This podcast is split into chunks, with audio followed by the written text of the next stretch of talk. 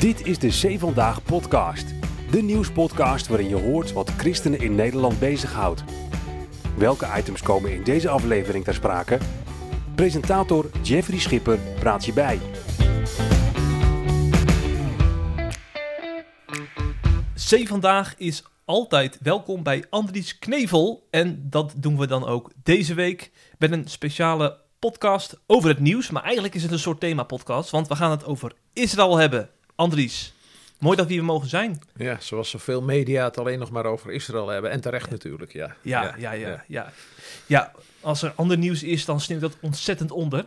Dat hebben wij ook gezien. Ja, je moet deze week, eh, deze twee, drie weken inmiddels, het is 7 oktober was het, hè, de eerste dag. Ja. Moet je niet te veel met ander nieuws komen, Nee. want het zakt echt helemaal, Ja, eh, helemaal ja. weg. En ja, en ik denk een beetje terecht ook, als je ziet wat er in het Midden-Oosten gebeurt. Ja. dit is wel historisch, toch? En jij loopt Ja. een tijdje mee als het gaat om het Nou, ik, Midden-Oosten. ik, ik eh, loop mee sinds 1967. Toen was Mm. ik eh 15. En toen eh, had je de, de Zesdaagse Oorlog. Ja. En eigenlijk vanaf mijn vijftiende ben ik intens betrokken geweest op Israël en Ja, de precies. Palestijnse zaken. En dat is zes- zes- eh, 56 jaar geleden, zoiets. Ja. ja Nou, Yom dus- Kippur was 50 jaar dus. Yom Kippur Ja. was 50 Ja. jaar. Ja, dus is de Zesdaagse Oorlog 56 jaar Ja. geleden. Dus ja, ik volg het eigenlijk al mijn leven lang. Ja. Hm. ja. Ja, we gaan straks natuurlijk eh, wat nieuwsitems bespreken hierover. Eh, maar we beginnen traditioneel met onze rubriek. De ergernis van de week.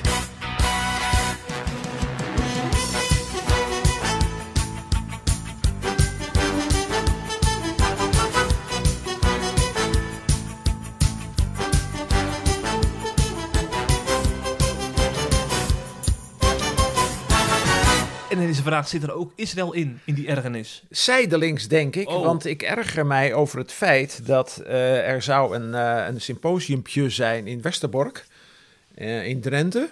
De- het kamp waarvanuit de Joden naar Auschwitz zijn vervoerd, voornamelijk Auschwitz. En daar zou een Jezidi spreken en een Joodse. En ehm, dat is afgelast. Ja, dat nieuws is eergisteren gekomen, is afgelast. Om met name omdat de Jezidi eh, bedreigd werd. Ehm, en da- daar erger ik mij zeer aan. Ik, ik vind dat de Jezidis sowieso niet de aandacht hebben gekregen die ze verdienden de afgelopen tien jaar. Ik ben zelf in Irak geweest toen bij de opvang van Jezidis. Dat is die groep die toch op die berg... Het is eh, groep op die berg zat. ja, en eh, toen ISIS Mhm. machtig was en die toen gevlucht zijn naar, eh, naar Irak. Ben, ik ben daar geweest, ook bij de opvang van ze. Ik heb de verhalen gehoord. Dat zijn echt gruwelijke verhalen. Wat er met die Jezidis is gebeurd door ISIS. Een beetje vergelijkbaar met wat er eh, door Hamas is gebeurd met de 1400 eh, Joden. Qua gruwelijkheid ook. Ehm, nou, die Jezidi wilde daar iets vertellen en samen met een Jood. eh, En dat is dus afgelast vanwege bedreigingen. Ja, daar, daar erger ik mij dus. Ik heb een hele echte ergernis van de week. Ja. Dat is deze, ja. Ja. Dat is dus dat een Jezidi, nou, die is toch voor niemand bedreigend. Nog voor christenen, nog voor joden, maar toch ook niet voor moslims, zou je denken. En een jood, joodse, ja, die is wat bedreigender natuurlijk voor moslims. Dat die dus niet kunnen spreken, notabene in Westerbork, hè, de plek waar het in Nederland allemaal eh, begonnen is, of geëindigd is, kan je beter zeggen. Daar zit mijn ergernis. Nou, terechte ergernis ook. Dat denk ik. Je zit ook met je ogen te knipperen als je dit soort berichten leest. Ja, toch? Ja, denk je, in de jaren 30 weer terug of zo. Dit, ja, en dan notabene een Jezidi. Dat, dat was een groep, eh, ze waren ook pacifistisch. Een groep die niemand kwaad deed. En wat, wat vreemde religie had. Vreselijk vervolgd zijn. En dan houdt zo iemand zijn verhaal en dan wordt hij bedreigd. Ja. Dat is mijn ergernis. Het laatste nieuws uit christelijk Nederland bespreken we in de Zee Vandaag podcast.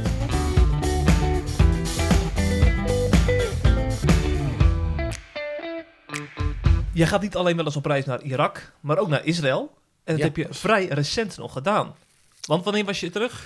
Wij kwamen op zaterdag terug en dat was de zaterdag voor de zaterdag van eh, de pogrom. Dus eh, wij hebben een onbezorgde reis in Israël gehad en in de Palestijnse gebieden.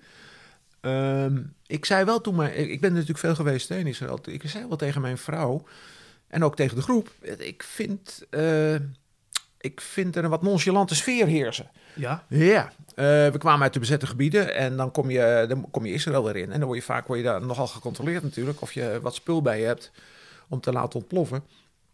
En ik vond eh, die check zo, eh, zo oppervlakkig, zo dunnetjes. Oh. Dus ik zei tegen mijn vrouw eigenlijk, ik vind het heel... Het valt mij op hoe ontspannen. Je kan natuurlijk ook zeggen hoe slordig, achteraf, ehm, de beveiliging is. Ja, niet wetende. Hm. Dus het is met de kennis van achteraf, maar het was ook wel mijn ervaring daar een beetje. Ja, ja, En ja. ver- ja, het was buitengewoon ontspannen in dat land. Hm. Wat, Ja. wat heb je daar allemaal uitgevoerd dan? Ik heb een reis geleid, eh, maar het mocht geen Disney-reis zijn. En een Disney-reis, dat is natuurlijk een reis langs alle bekende plekken. Ja. En eh, fijn en prachtig. Dat was het ook. Natuurlijk, Jeruzalem een dag of vijf. En Yad Vashem. En naar het noorden en het meer van Galilea. En met een boot op het meer van Galilea. En dan de motor uitzetten en dan heel stil zijn. Ehm, maar we zijn ook naar eh, de, de andere kant geweest. eh, naar de, het gebied van Palestijnse autoriteit. eh, de Bethlehem Bible College. Waar Palestijnse dominees worden opgeleid. De Tent of Nations, dat is een plek die erg bedreigd wordt door de kolonisten. En een beetje een symbool aan het worden is voor in dit geval ook christenen die bedreigd zijn, worden niet door moslims, maar eh, door het Israëlische beleid. En we zijn uiteraard, dat doe ik altijd, naar Jemima geweest, het eh, opvangcentrum voor gehandicapte Palestijnse kinderen. Hm. Wat daar ooit eh, gebouwd is met behulp van, van de EO, EO met de daad. En nu een centrum is waar 60 gehandicapte Palestijnse kinderen worden opgevangen. En door liefderijk verzorgd, vooral door Nederlandse christenen, voor zover ze een visum krijgen. Ehm, dus we hebben de beide kanten hebben we in ieder geval bezocht. Ik wil niet zeggen al- eh, helemaal doorleefd, dat kan helemaal niet natuurlijk. Maar wel, ja, en dat werd een hele mooie, mooie reis. En eh, Palestijnse christenen zeggen, maar daar komen we misschien nog op. Palestijnse christenen zeggen al jaren: als jullie naar Israël gaan, ga dan niet alleen langs alle, Ja. alle, alle mooie plekken. Ja, ja. Ja, maar kom ons ook dan bezoeken. Ehm, want dat- we, vinden het vreselijk als we maar zien dat al die christenen aan de ene kant van, van de grens eh, rondlopen en het allemaal prachtig vinden. En het is ook echt prachtig in Israël. We zijn ook in de Banjas geweest, de bronnen van de Jordaan. Het is echt prachtig. Maar bezoek ons ook, om ons verhaal ook te horen. Nou, dat hebben we gedaan. Ja, ja, ja, ja, ja. Maar eh, ik kan me dan voorstellen dat je met, met het oog op die reis dan ook wel eh, extra betrokken bent geweest de afgelopen weken. Bij alles wat er in Israël gebeurt. En dus, Ja. dus op de zaterdags komen wij terug. En de volgende zaterdag is die pogrom.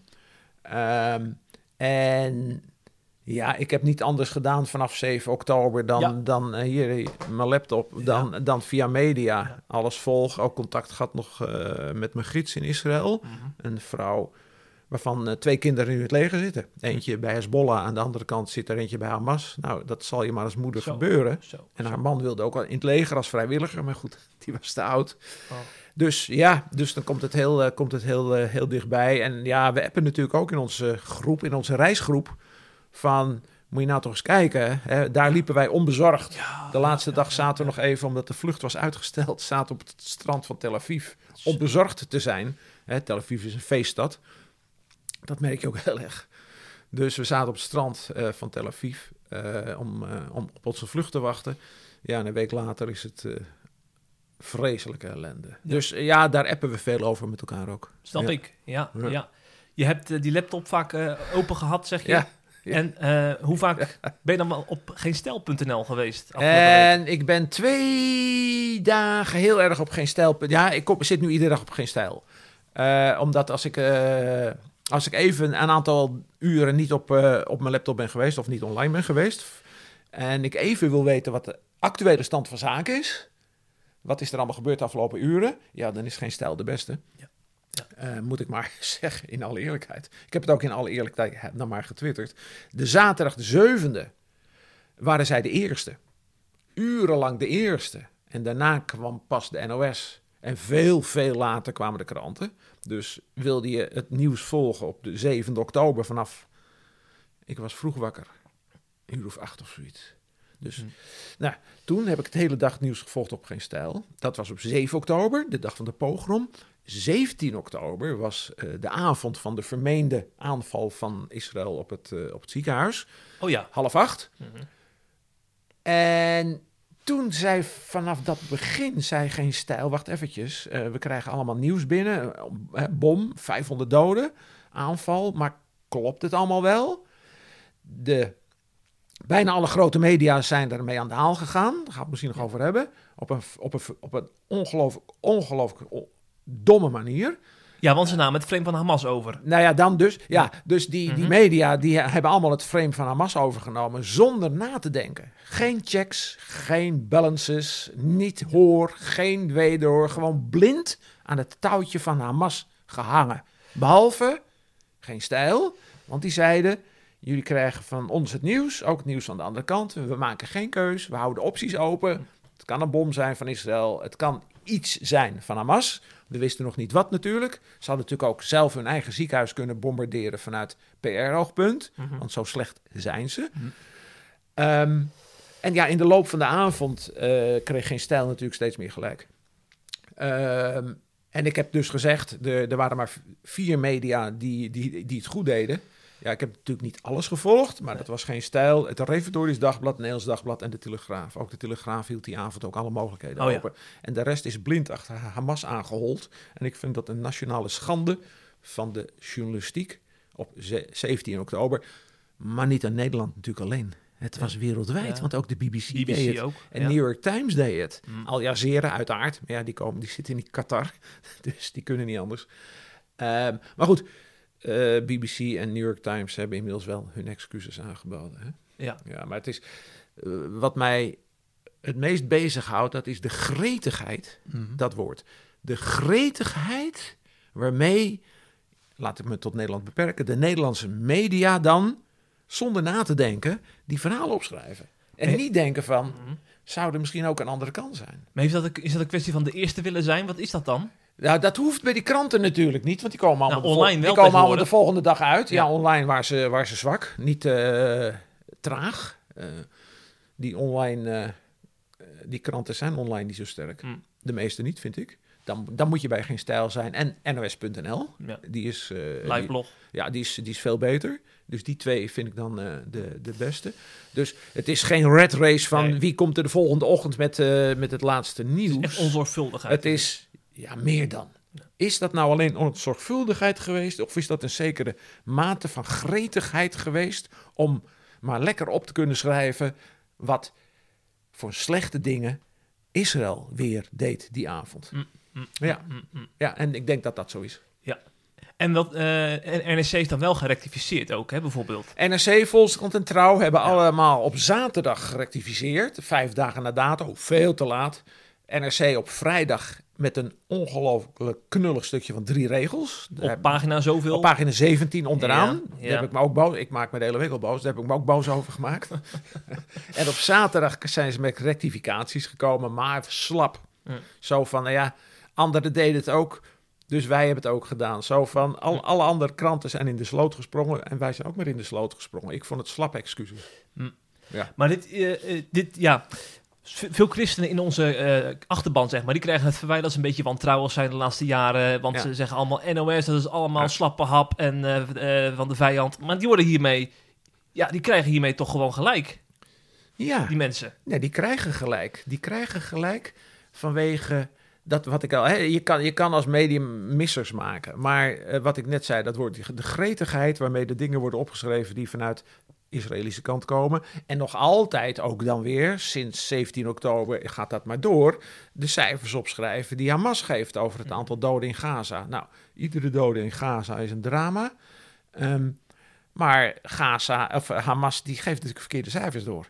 Eh, en de kranten publiceren die cijfers. Dan staat er tegenwoordig wel bij volgens, hè, volgens Palestijnse dinges. Volgens de autoriteiten in Gaza. Volgens de autoriteiten in Gaza, dat is Hamas. Of volgens het Palestijnse ministerie van Volksgezondheid, dat is ook Hamas.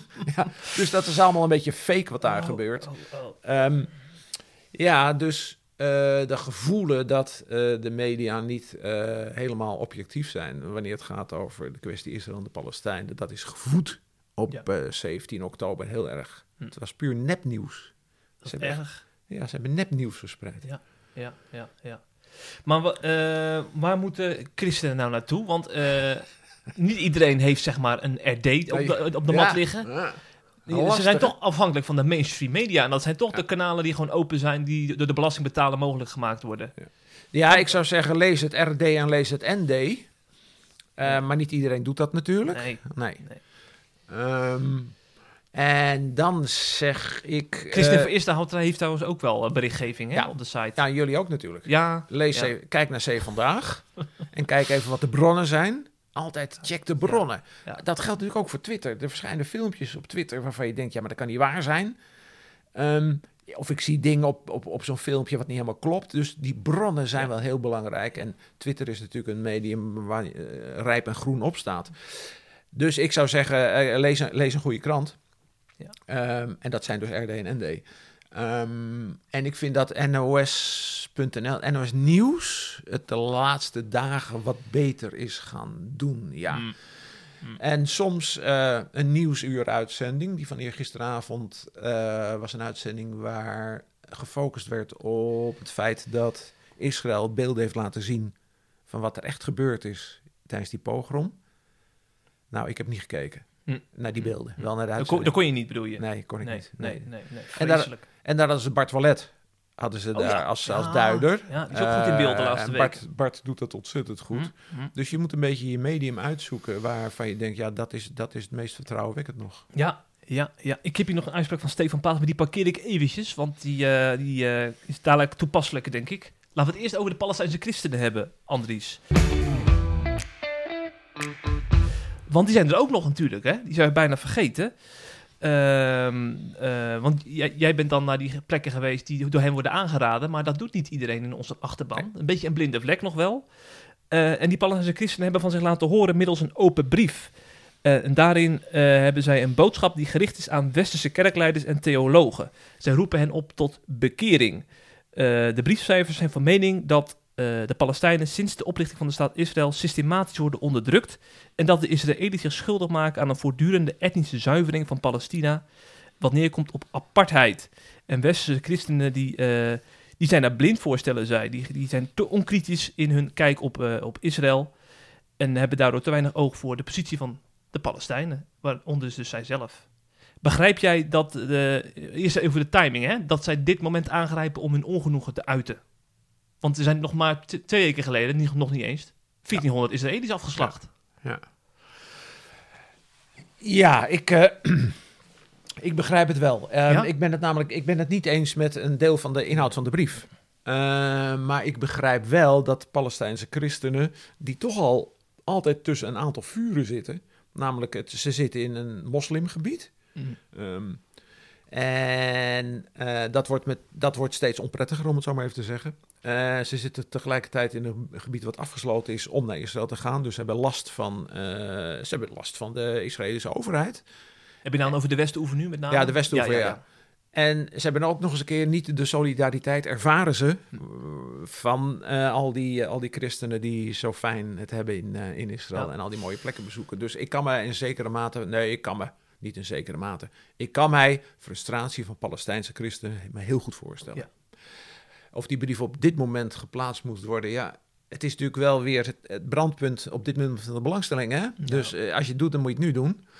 En ik ben het met een deel van de brief eens en een deel van de brief ben ik het oneens.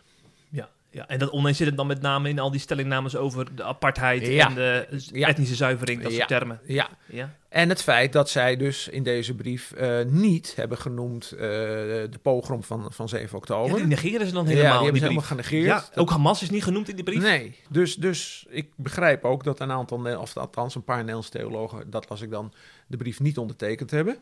Ehm, ik zou het ook- niet gedaan hebben. Hmm. Ehm, punt wat ze terecht maken, dat is eh, dat wij westerse christenen, ik sluit me daarbij in, ehm, jarenlang veel te weinig aandacht hebben gegeven aan de positie, de wankele positie van de Palestijnse christenen in met name dan eh, de Westbank. Gaza hadden we niet zo zicht op, hè? En dat zijn er ook heel weinig. Nou zeg dat niet alles, maar het zijn er weinig. Ehm, je kan zeggen dat de vervulling van de belofte van God, als je het even heel, heel, heel zwart-wit formuleert, de vervulling van de belofte van God, namelijk er is een Joodse staat gekomen, heeft ervoor gezorgd dat onze eerste broeders, namelijk de christenen, in eh, de Westbank zich uh, zich achtergesteld voelde. En dat wij, westerse christenen, jarenlang dus wel naar Israël zijn gereisd. Met veel plezier. En gewoon niet naar hen. Dus wel solidariteit, heb, solidariteit hebben betuigd met het Joods volk. Wat voor een overgrote deel de Messias niet kent, niet heeft Mhm. aangenomen. En minder solidariteit met Palestijnse christenen die de Messias wel kennen. En hebben we aangenomen, los van de politieke implicaties die zij zien aan, eh, aan geloven. Ja, dat begrijp ik wel. Dus ik ben het met een deel van de brief eens. Ja. Hm, hm. Ja. Ehm, maar hoe, hoe kunnen wij hen dan het beste helpen dan vanuit onze positie? Wat zij zelf zeggen is, maar ja, dat, dat is allemaal van twee, drie weken geleden, want de situatie is dus compleet veranderd hoor. En denk voor langere termijn. Wat ze zelf zeggen is, kom, kom eens langs. Ja. Wij zijn dus met die groep naar Bethlehem Bible College geweest. En daar hebben we een, een, een college gekregen van een uur van de, de, de rector daar, Jack Sarah. En daarna vragen beantwoorden. Dus die vertelt ons wat de positie is van de, christenen daar. Eh, wat, wat ze aan akeligheid ervaren van de, Israëlische autoriteiten. Omdat de meesten nooit naar de overkant kunnen gaan van de muur. Ehm, dat type verhalen en hoe ze zelf struggelen daar in, eh, op, op de Westbank. Ehm, nou, Tent of Nations ook. Ehm, maar zij voelen zich al gesteund als er gewoon een groep christenen uit, in dit geval Nederland, naar hen toe komt en naar hun verhaal gaat luisteren. Ik had onze groep ook voorbereid. Ik had gezegd, jongens, we gaan naar het Bethlehem Bible College. Anne van der Bijl hè, is daar de grote man. Anne van der Bijl. Ja, op, ja, als je daar de naam Anne van der Bijl noemt, dan springen ze op van vreugde. Au. Anne had veel met Palestijnse christenen. hè, En weinig op, nee, en iets minder, moet ik zeggen, met... Nee, die was heel kritisch op. Het is, hij was zeer kritisch op Ja. Israël. Zeer. Dus Anne van der Bijl is de, hel- is de held daar. Ik had mijn groep voorbereid. Ik had verteld, nou, dat is ongeveer hun positie. Daar kan je het op een aantal onderdelen niet mee eens zijn. Maar ik, het is wel goed voor ons om ook ja, van hen te horen wat hun verhaal is. En onze groep, eh, best veel vrienden van Israël, om het zo te zeggen. Ja, die vonden het heel, heel boeiend om ook de andere kant te horen. Dus laten we maar eens beginnen met naar ze te luisteren en aandacht aan ze te geven. Maar eh, wat ik dan toch niet helemaal begrijp. In, in zo'n open brief wordt dan Hamas Ja. helemaal genegeerd. Dan Ja. denk ik van, ja, wat is dan hun positie ten opzichte van hen dan, hè? Ja. Dat vraag Dat- ik me dan wel af. Ja, dat kan natuurlijk. eh, dat ga ik niet zeggen. Ja. Maar dat zou iets kunnen betekenen van. eh, want ze zijn niet bang. Maar tactiek. Ja, ja, ja. Laten we Hamas maar even niet noemen. Want Hamas is ook op dit moment aan het oprukken op de Westbank. Onder eh, heel veel Palestijnen die zeggen: Nou, die eh, Abu Mazen, die Abbas, die heeft voor ons niks betekend. Hm. Zie je wel? Hamas. Dus dat het een zekere, ik, ik zeg niet angst, maar een zekere handigheid is om Hamas niet te noemen. Maar het is dom. Het is dom, want op zo'n manier ehm, verspeel je de sympathie van ons, die zeggen, laat ik voor mezelf spreken, ik, ik erken jullie positie. Ik vind ook dat we dat in het verleden niet goed hebben gedaan. Hm. Maar als je nu zo'n eenzijdige brief maakt, dan ga ik weer denken, ja, hoe zit het nou eigenlijk met jullie? Het is goed dat ik bij ze geweest ben weer. Anders was ik negatiever geweest over deze brief. Maar omdat ik een paar weken geleden bij ze was, heb ik er wat meer begrip voor. Maar ik vind het niet verstandig. Nee, Nee. nee, nee, Doe dat dan niet, die eenzijdigheid. En er is nergens voor nodig. Hm, hm. Ik, zat, ik zit nog te bedenken, er zijn heel wat christenen die hebben de Israël-vlag uitgehangen de afgelopen weken. Hoe zou dat bij hen overkomen? Als de, als de brief van, als de vlag van de bezetter. Ja, toch wel? De bezetter. Oké. Zij zien echt Israël als de bezettende macht. De Westbank zou volgens het verdelingsplan van de Verenigde Naties uit 1947 eh, een aparte staat worden naast de staat Israël. Nou, dat is door Israël aanvaard. Door de Palestijnen, toen nog Arabieren, niet. Die zijn oorlog gaan voeren. Dus het is, er is nooit wat van terechtgekomen. Maar zij hopen nog altijd dat, dat daar een onafhankelijke Palestijnse staat op die Westbank, even los van Gaza, hè, dat is een ander verhaal, Mhm. op die Westbank ontstaat. Ja, ja, ja. Ja, dus de, de Israëlische vlag is de vlag van de bezetter. Ja, ja. Voor hen. En eh, is die vlag nog ergens hier op een zolderkamer te vinden in Huizen Knevel? Of... Ik zag, net, ik zag net gisteren. Nee, hij was er, hij was er niet meer. Ik- We Nee? hebben hem ooit gehad. Oh, Ehm, en ik sprak een, eh, ik sprak, dat is wel interessant, een eh, vriend van mij die is hoogleraar ergens. En die was altijd wat kritisch ten opzichte van, eh, van Israël. Die zat een beetje in het frame wat, wat in Nederland al een tijd heerst natuurlijk. mm. Die is in die geschiedenis gedoken. En die zegt, ik ga een Israëlische vlag kopen.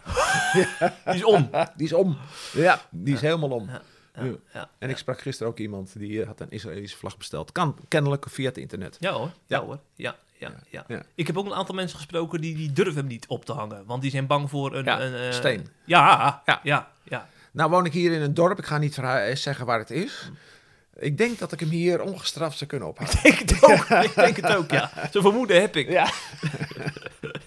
ja. Ja. Het zal geen probleem zijn hier. Nee, nee. We noemen geen, naam, we noemen geen Nee, namen, maar het is niet Urk. Laten we het daarop Het is, nee, we zitten niet, nee, want daar wordt hij weggehaald dus, hè? Ja. Ja, ja. Nee, ik woon niet op Urk. Nee, nee, nee, nee, nee. Zeg, eh, van Urk gaan we naar eh, Amerika. eh, want daar is de bekende pastoor en evangelist Greg Laurie gehuisvest. Een, ja, een, een man die misschien niet echt veel, niet zoveel geciteerd is als Tim Keller in onze Nederlandse kerkcultuur. maar die, je kent hè? Ik ken hem niet. Hij- Het is een, beetje een eindtijdprediker is het ook wel. Dat- Misschien ja, zit- zit er weinig in die hoek zeker. Daar zit ik niet. Daar Nee. gaat je vraag ook over. ja. ja, want ja, je bent niet alleen voormalig eh presentator en eh, journalist. Je bent ook theoloog, hè? Dat vergeten mensen nog wel eens. Je, Ja, je dat hebt gestudeerd. Dat vind ik jammer. Ik ben, ja, ik noem, eh, tegenwoordig vragen ze wat ben je dan? Want dan moet je een Ja. titelkaartje hebben, Ja, hè? ja, je bent nu oud, oud dit en oud Vroeger, dat. vroeger stond oud-directeur EO, oud-presentator EO. Ja, dat is allemaal heel, dat is voorbij. Dat weten de mensen ook helemaal niet meer. Dus ik zeg tegenwoordig, op mijn titel, als je een titelkaartje wilt maken voor me, het hoeft allemaal niet, dan ben ik eh, theoloog en journalist. Ja, precies, precies. In die volgorde. Mhm. Ja. ja. Dus En dan, dan weet je ook wel het nodige van bijvoorbeeld Ezekiel 37 en 38. zeker in mijn jeugd speelde dat een grote rol. Ja, ja, Ja, dat ga ik vertellen. Ja, oké.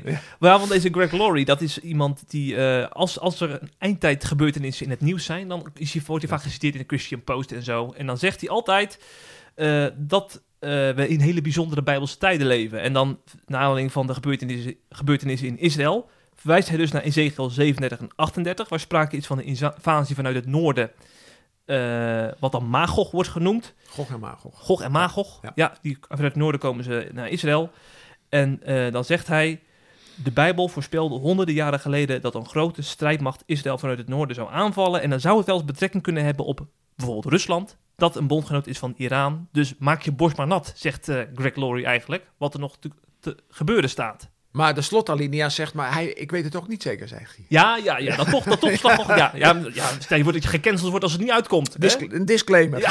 Ja, veilig. Ja, veilig. Ja, ja. En wat zegt theoloog Andries Knevel dan als hij zoiets hoort? Dat eh, ik eh, als 15-jarig jongetje eh, een tijdje lang een evangelisch vriendje had. Toen was de evangelische beweging nog klein in Nederland. En, en dat evangelische vriendje zat een klein beetje in de hoek van, van het zoeklicht. En aanverwante organisaties. Eh, en die had het alleen maar over Ezekiel 37 en 38. Tijdens het communisme. Wij zaten onder de dreiging heel sterk van de Koude Oorlog. Mm. Amerika-Rusland, voor de jonge kijkertjes. Ehm, er zou een soort wereldoorlog aanstaande zijn, kernoorlog. Eh, en de Russen zouden oprukken vanuit het noorden naar, eh, naar Europa en Israël. Dat, dan spreek ik over de jaren 60, begin jaren 70. Dat had ook te maken natuurlijk met eh Hollinsie. Oh ja, ja dus die, de sleepbootkapitein, die, die bestseller, hè? Ja. Ja. meerdere bestsellers. Toen speelde Ezekiel 37, 38 een hele grote rol, want de communisten zouden komen en zouden Israël en ook ons veroveren. Gog en Magog. Nou, daar is allemaal niks van terechtgekomen. Eh het communisme is verdwenen. Toen is het de hele tijd stil geweest Hm. rond deze teksten. En nu komen ze weer. Ja. Ja, Ja. Nu komen. En de theoloog zegt, eh, dus dit, dit zegt de journalist, die zegt, eh, dit verhaal ken ik, dat heb ik al meer gehoord. Eh, Zacharia natuurlijk ook, hè? Ja, ja, ja. Ja, het is ja. Zacharia en Ezekiel, die twee, Ja. hè, dat zijn voeten zullen staan op de Olijfberg. En eh, er zal een stroom uitgaan van. Ehm, en de theoloog zegt, dit heeft allemaal te maken met hermeneutiek. Dat woord wat tegenwoordig een heel beladen woord is. Namelijk, hoe lees je, Hm. Niet alleen de Bijbel, hoe lees je de profetieën van het Oude Testament. Die profetieën die waren gericht op de mensen toen, anders hadden ze er niks aan. Dus dat is één. Ze zijn deels als vervuld in Christus. Hm. En de derde vraag is, zit er ook nog eens een keer een vervulling aan het einde der tijden in? Ehm, ik aarzel daar zeer sterk over. Ik Ja. aarzel daar zeer sterk over. Ja, ik, ja. Het is veel te, eh, veel te menselijk, om, als het ware, om die profetieën uit 6, 700 voor Christus. Ja, de meeste, Zacharia ietsje jonger. Om die zo één op één te verplaatsen naar onze tijd. Wat zou het voor een zin hebben gehad ooit om een profetie te schrijven? Die betrekking zou hebben op een situatie in 2000, 2000 na Christus. Dus nou, profetie hebben betrekking op de situatie toen, de actuele situatie. Ze, hebben, be- ze zijn vervuld voor dat, moest, voor dat deel. Ze zijn vervuld in Christus. En het is vaak menselijke invulling om ze nog eens een keer te laten slaan op eh, de situatie van nu. Hm. Maar ik sprak een paar weken geleden iemand in Israël die zei: Ja, Zacharia 2 gaat in vervulling. Zacharia 2 was dat Zacharia daar dan? 2, dat is dat eh, zijn voeten zullen staan op de Oh, olijfberg. ja. Dat is de Oh, ja. komst van de Messias. Mhm. En een paar jaar geleden zei iemand, Zacharia, eh, het hoofdstuk ken ik niet uit mijn hoofd, eh, Jeruzalem zal dorpsgewijs bebouwd worden. Nou, wat je ziet als je in Jeruzalem bent, dan zie je dat om Jeruzalem heen er allemaal nieuwe steden, stadjes aan het ontstaan zijn, omdat Jeruzalem vol zit. Dus om Jeruzalem heen zie je steden.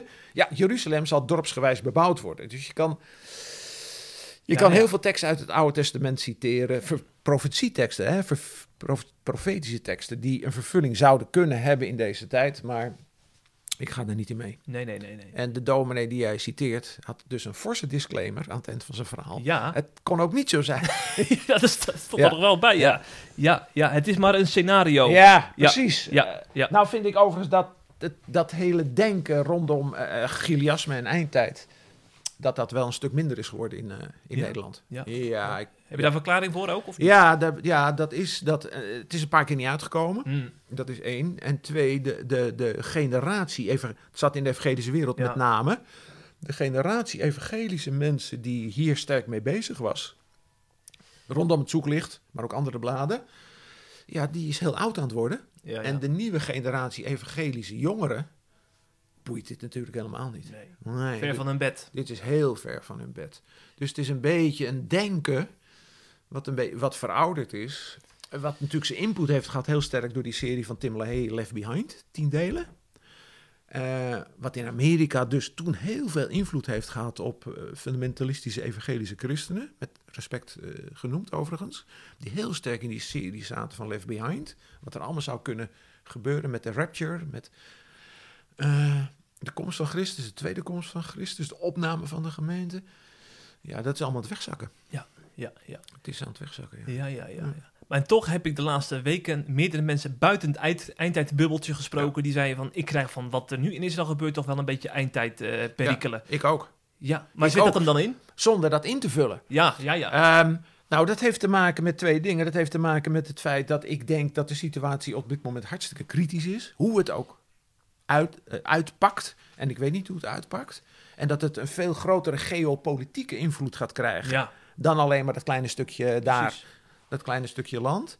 Dat is één. Twee, ehm, ja, het gaat toch altijd weer om Jeruzalem. Ja, ja, het ja, gaat altijd weer om de Joden. Het gaat altijd weer om Gods volk. Ja. en dat heeft een idee van eindtijd. Zonder dat je de profetieën uit het Oude Ja. Testament laat slaan op een situatie die 2000 jaar later is. Ja. Ja. Ja. Dus een gevoel van urgentie, dat zit er zeker. Mhm. Ook bij mij.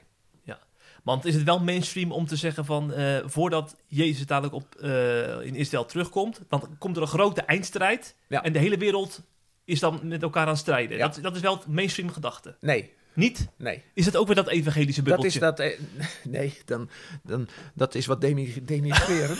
nee, nee, dat is dat, is dat eh, klassieke, eh, wat verouderde evangelische denken, ja. Ja, ja, Ja, ja. ja, ja. Maar dat, ik, ik dacht dat het best wel Nee. mainstream was. Armageddon, de grote eindstrijd. Ja, ook niet. Ja, in de vlakte van Israël, overigens, waar ik was. Mhm, Ja, daar. mhm. Ja, nee. Dat Nee. denken is bijna helemaal weg. Nee, ja, ja, ja, ja. Want wat gaat er dan wel gebeuren als Jezus terugkomt? Die zeggen, er is er helemaal geen strijd dan. Nee.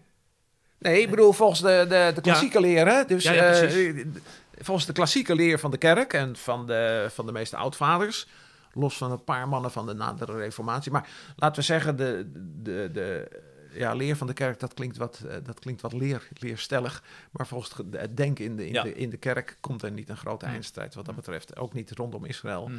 Eh, maar zal de Heer wederkomen vanuit de hemel op deze aarde om hier gerechtigheid te vestigen.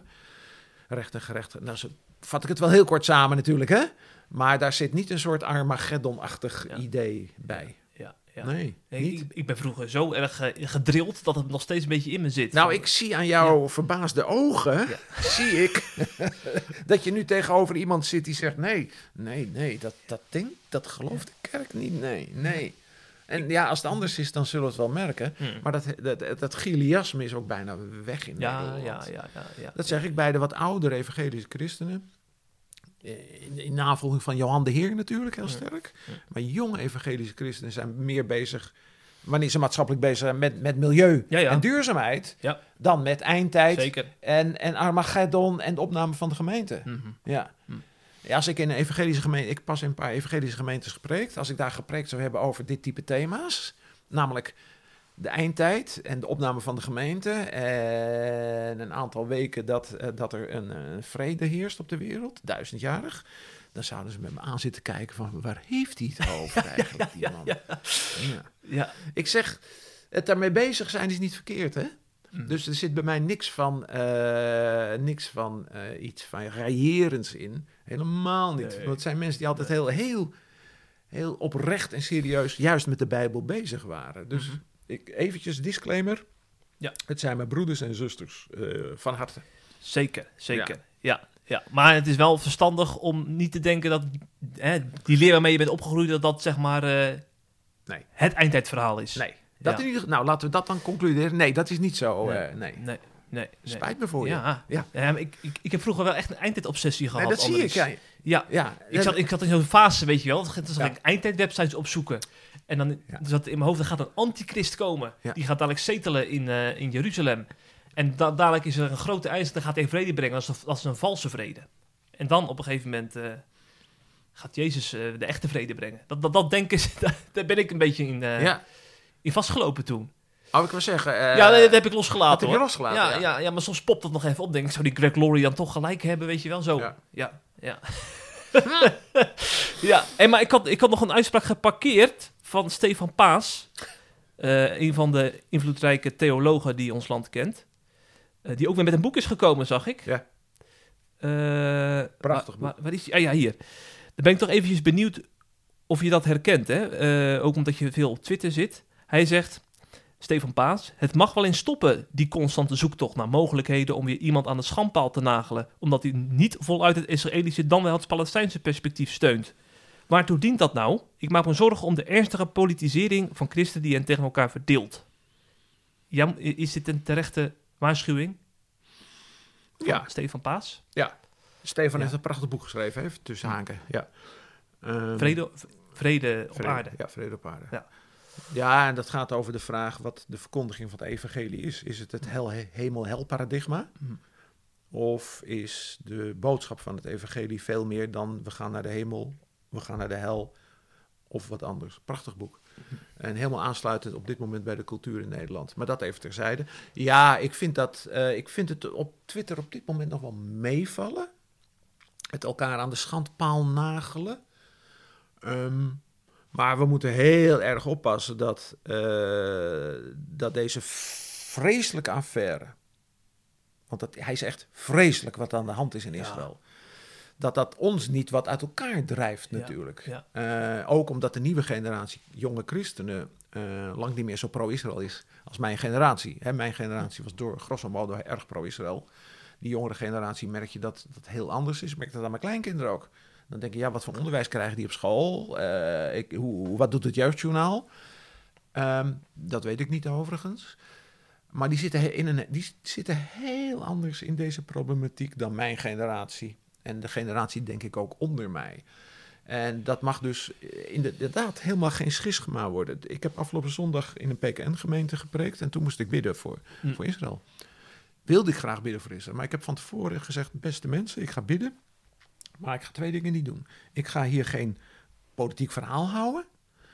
Ik heb best een standpunt of een mening, maar die parkeer ik helemaal. Dus ik hou, geen verhaal, ik hou hier geen, geen politiek verhaal. Dan moet je maar op een woensdagavond een avond organiseren. Dan kom ik er even langs. En de tweede is, ik ga het gebed natuurlijk ook niet misbruiken. Mm. Om aan de Heer te vragen of die het een of het ander. Dus dat is een statement geweest wat ik voor mijn gebed heb uitgesproken.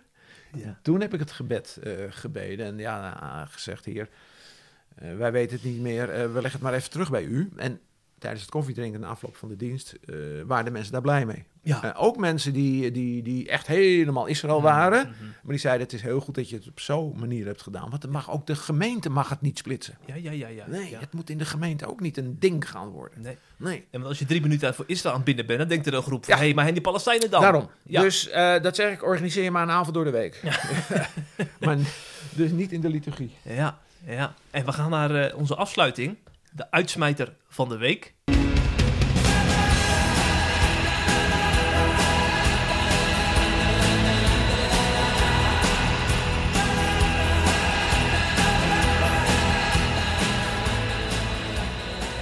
En daarvoor gaan we even naar de Open Doorsdag. Die is een beetje ondergesneeuwd in het eh Israël Ja, nieuws. ja. Maar die vond afgelopen zaterdag Ja, plaats in Barneveld. En dat is natuurlijk best wel een groot event, hè? Het is een van de grootste op het moment. Zo. Eh, want de Nederlands Zingdag is er niet meer. Mhm. Ehm, dus volgens mij is het, is het het grootste christelijk event in Nederland. Ja. Ja. Als je de jongerendag even Mhm. eruit haalt. Hm. Ik denk dat het grootste event nu geworden is. Ja, dus als je het hebt- hebt over Revo en Evangelisch Nederland, dan komen ze daar ook samen. Helemaal. Ja. Helemaal. Eh, en daar eh, zagen zij afgelopen zaterdag onder andere een spreker uit Burkina Faso, opgegroeid als moslim, Bouraima Diallo. En ehm, hij was als werknemer bij het bedrijf van zijn vader betrokken. En een van eh, zijn collega's, die vertelde hem voor het eerst het evangelie. En ehm, toen is hij dus daarover gaan nadenken. En eh, op een gegeven moment eh, heeft hij ook tegen zijn vader gezegd dat hij voor het eerst naar de kerk wilde gaan. En gek genoeg was hij daar niet boos over. Sterker nog, hij zei, ga er maar naartoe. Ja, en daar heeft hij vervolgens ontdekt wat, wat de boodschap van Jezus is. En eh, wat hij daarna nog vertelde, vond ik eigenlijk, eigenlijk heel bijzonder. Hij dus zijn vader vertellen over wat hij allemaal hoorde in de kerk. En toen was hij natuurlijk heel erg bang voor eh, ja, een, soort, een soort steniging of zo. Maar toen haalde hij plotseling een Bijbel tevoorschijn, tevoorschijn die vader, die al 34 jaar eh, bij hem op zijn kastje lag. Ja, dat is toch heel, heel wonderlijk hoe dat dan kan lopen. Hè? Ja, ja, ja. Blijkbaar eh, is het evangelie toch dichterbij dan je denkt, ook als, als moslim. Ligt zomaar 34 jaar bij jou op de kast. Ja, Ja. mooi hoor. En Ja. nou mag hij getuigen. Want eh, duizenden mensen hebben natuurlijk die boodschap gehoord. En ik weet hoe die christenen daar zijn bij de Open Doors Dag. Dat is voor hen is dat een soort van... eh, ja, het is een soort van eh viergangen diner. Een hemel. Het is de Het is hemel. de hemel. Het is ja, de hemel, ja. wat ze daar horen. Van, Wat, wat een boodschap, denken ze dan, dat evangelie. Want dan gaan ze... De, de, de maandag gaan ze weer terug naar, naar een, eh, een eigen werk, een eigen bubbel, zeg maar. Hun eigen dorpje. En dan is het allemaal weer vanzelfsprekend, hè?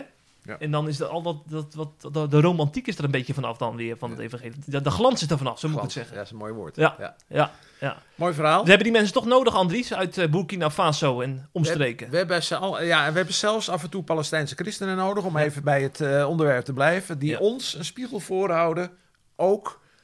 Van eh, sta je wel helemaal recht in, eh, in het evangelie. Ja, ja. Ja. Dus Ja. dan is de cirkel rond. Ja, zeker, zeker.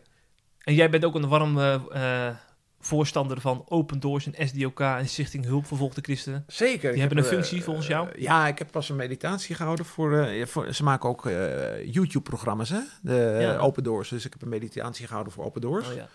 En in mijn journalistieke werk, eh, met name toen op radio, dat is wat makkelijker op televisie, hebben wij heel veel aandacht besteed aan, eh, aan de gro- ondergrondse kerk. Ik heb de boekjes van Woerenbrand nog verspreid als leraar. Dominee Woerenbrand van de ondergrondse kerk, SDOK. Ja. Ehm, ik ben met Friedrich Teamen in, eh, in Rusland geweest. Nou, Open Doors wer- werk ik dus af en toe wat voor. Dus ze hebben allemaal een hele belangrijke functie. Ja. Om, al- als we ingedut raken, het is niet alleen een functie naar de vervolgde christenen, maar het is misschien net zo'n grote functie naar ons toe. Ja. Dat als we ingedut raken en te veel ons met deze hele samenleving eh, één voelen Ja. en prettig voelen, dat zij zeggen, niet met een waarschuwend vingertje, maar dat ze laten zien wat hun leven is. Hm. Ehm, en hun lijden voor het evangelie. Juist. Dus ze hebben een tweeledige functie, ja. Mhm. naar, hen, naar, naar hen toe, maar ook naar ons toe. Ja. Ja. Dus volgend jaar oktober, wees erbij bij die Open Doors Open dag. Doorsdag, prachtige dag. Ja, Ja. ja, zeker. Voor het hele gezin, moet ik er nog bij zeggen. Kijk, Ja, er Ja. zijn programma's voor kinderen en voor jongeren en dat soort dingen. Er wordt allemaal over nagedacht. En over het gezin gesproken, daar ga ik zo meteen weer eens naartoe. Kijken of ze nog een beetje de boel eh, heel hebben gehouden. Het is, herfst, het is herfstvakantie. Ja, nee, dat, dat was toch vorige week? In Noorden hebben ze herfstvakantie. Ja, precies. Ja, nee, Ja. klopt. Ja, nee, mijn kinderen zitten, eh, dus die hebben herfstvakantie. Oh. Mijn klein, kleinkinderen, moet ik zeggen. Ah, ja, die ja, hebben ja, herfstvakantie. Ja, ja, Dus- ja, ja, ja. Dus ja. Misschien moet ik nog voetballen deze week. Ik, wil, ik wil bijna toch weer naar die, naar die Twitter-foto verwijzen. Die jongen met het, met dat lelijke shirt die bij Ja. jou in de tuin stond. Ja, Ja, ja hier. wat Deze- stond er op zijn shirt? Eh, durf, ik niet, durf ik niet te zeggen. Nee, nee. Maar ze hebben verloren weer, dus eh, Ja. mooi. Ja, ja, ja. Het gaat, ja. heel, het gaat heel slecht met die club. Oh, die, die staan toch onderaan? Bijna onderaan. Op 17 staan ze. Dat, dat kan bijna niet. Het is oktober en Ajax zit op 17. Nou, wat is er aan de hand? Ja, Gekke tijden. Zeg, Ja. bedankt voor je bijdrage. Ik zou zeggen, ma- maak er nog een hele mooie week van. Met vreugde. Ja, ik hoop dat je weer mag spreken zondag. Ja. Dat doe je regelmatig. Een jeugddienst. Een jeugddienst? Een jeugddienst. Een oude man in een jeugddienst. Oh, Ja. ze Ja. dachten we gaan Andries bellen om de ik- jeugd ik, kom daar, spreken. ik kom daar ieder jaar in jeugddienst. Oh, Oké, Het thema is hou vol. ja. En ik ga nu een stukje schrijven over mijn bezoek eh, aan Jemima. Voor het blad van Jemima. Oh. Dus eh, ja, ik had beloofd dat ik daar een verslag van zou schrijven. Voor hun eh, kwartaalblad. Hm. Hm. Dus ik maak ook even reclame voor Jemima. Ja, heel goed. Ja, goede club. Mooi. Ga ermee door, zou ik zeggen. En ja. eh, wees er een volgende keer weer bij, beste luisteraars, bij een volgende podcast. En tot dan. Hopelijk heb je genoten van deze C Vandaag podcast. Volgende week is er weer een nieuwe aflevering. En blijf via cvandaag.nl op de hoogte van het laatste nieuws uit Christelijk Nederland.